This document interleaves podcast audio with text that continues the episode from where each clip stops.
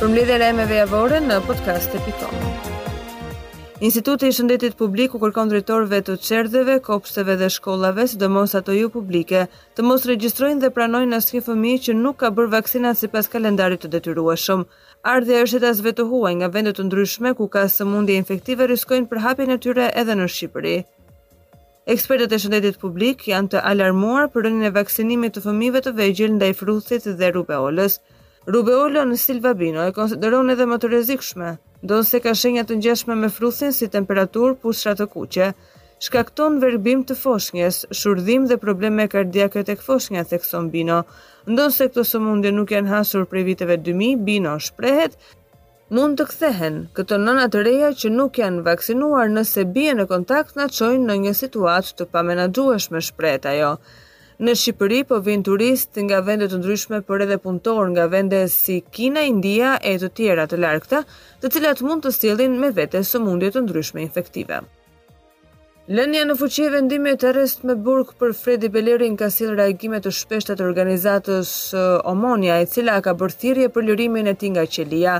Këtë herë përmes një njoftimi zyrtar, Omonia i ka bërë thirrje kryeministrit të vendit Edi Rama që të lirojë Fredi Belerin për disa orë nga burgu, të betohet në bashkinë e Himarës.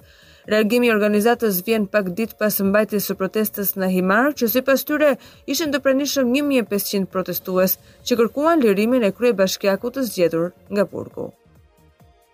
Ministri i Brendshëm Taulant Balla ka zhvilluar një takim me strukturat e Policisë së Shtetit, të cilat merren me mbarëvajtjen e sezonit turistik në Durrës.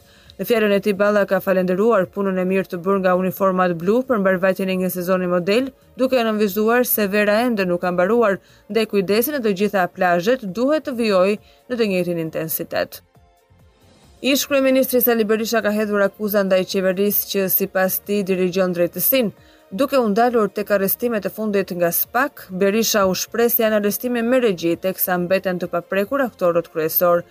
Kemi të bëjmë me një drejtësi totalisht me regji, ndaj dhe duhet të ngrihemi sepse në dy vjedhjet e shekullit autorët kryesorë të tyre qëndrojnë të pacënuar. Qëndrojnë të sigurt dhe hedhin kocka apo koka turku në mënyrë që t'ju mashtrojnë. Ndaj dhe të dashur qytetarë dhe qytetare, asnjë popull nuk duhet të tolerojë afera të tilla, mega afera të tilla vjedhjeje dhe shpërdorimi. Ndërkohë lidhur me garon për Kukësin, Berisha u shpreh se në ditët në vijim do të kenë një kandidat teksa paralajmëroi një tjetër koalicion me Ilir Metën por u bëri thirrje të gjithë opozitës për t'u bashkuar. Ndërkohë ish-kryeministri ka mohuar çdo mundësi bashkëpunimi me Lulzim Bashën, i cili prej njëzet e nëntë korrikut ka marrë drejtimin e Partisë Demokratike Zyrtare. Po ashtu ai hodhi poshtë akuzat se është përfitues ai apo i biri i tij nga kullat Mali i Tiranës.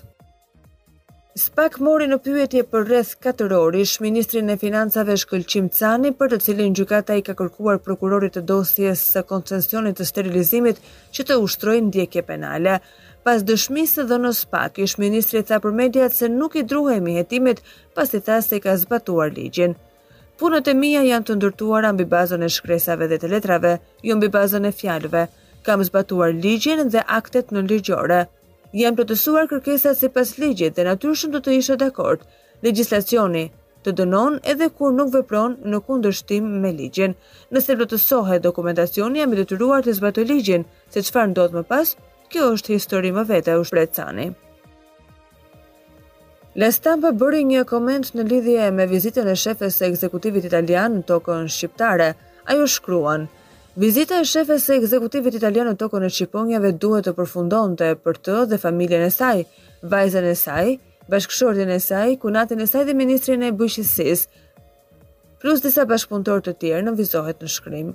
Një vizitë shumë private të cilën vetëm pak turistë kanë mundur ta kapin. Dhe kjo kërkonte një aparat sigurie mbresëlënës nga toka dhe nga deti. La Stampa kujton se Meloni u ftua nga homologu Edi Rama në vilën e madhe bregdetare të destinuar për kryeministrat shqiptarë, në një kompleks i përbërë nga disa ndërtesa që ngjiten në kodër, në një pamje që të lë pa frymë e mbi të gjitha me mundësinë e ankorimit direkt nën vendkalimin që ngjitet mes pishave të detit që të çon në rezidencë. Meloni mbërriti të hënën. Ekipi i saj lëvizi me tragetin e kompanisë greke Starlines, por me shërbim të menaxhuar nga shqiptarët. Në portin e Vlorës e priti vetë Rama, i cili e ka ftuar vazhdimisht në raste publike muajt e fundit dhe më në fund vizita ndodhi, vazhdon shkrimi. Pamje të pakta të kryeministrit të publikuara ekskluzivisht nga La Stampa janë realizuar nga turistë që panë më të barkën të shkonte e të vinte, Kjo është padyshim verë shqiptare, me një bum prej 6.5 milion pushuesish, nga të cilët gjysmë milioni vetëm nga Italia, thuhet në shkrim. Kjo fundjavë, prej 18 gushtit, do të mbledh në fshatin Vajzë një festival që do të bëjë bashkë shfaqje teatri, filma, një ekspozitë pikture dhe një festë tradicionale që mbahet çdo vit në traditën e këtij vendi. Vajzë Fest 2023 Do të ketë aty, Piro Milkanin, Ndriçim Xhepën, Timo Fllokon, Yllka Mujon, Ardian Trebickën e të tjerë. Kjo veprimtari do të organizohet në funksion të gjallërimit të jetës në fshat dhe promovimit të vlerave të zonës.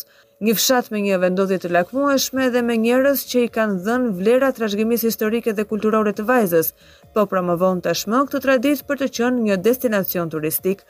Do të jenë tre ditë e net me kulinari të zonës, dhe guidat për në shpellat e Velçës. Kjo festë do të vazhdojë deri më datën 20 gusht. Gjatë gjithë këtyre javëve, Kryeministri Edi Rama është shfaqur si një zë i fortë promovues dhe lavdërues për sezonin turistik, por në postimin e tij të fundit në rrjetet sociale apelon dhe kërkon ndërgjegjësimin e qytetarëve se për të vijuar këtë trend të shkëlqyer turizmi duhet të mos harrohet pastërtia e territorit. Rrugët e reja janë për të shkurtuar distancat, jo për t'u kthyer në vendhedhje plehrash, shprehet kreu i qeverisë shqiptare. Atë se çfarë është duke ndodhur me turizmin shqiptar kryeministri e vlerëson si një kthesë të madhe historike për turizmin dhe ekonominë shqiptare. Por ka edhe një paralajmërim për të gjithë ata të cilëve nuk u bëhet vonë për nevojën e një territori të pastër, me theks të posaçëm në zonat ku po bëhet turizëm. Ne s'do të lejojmë që sjellja e egër e një pakice individësh të pacipë të dëmtojë Shqipërinë e rilindur turistike.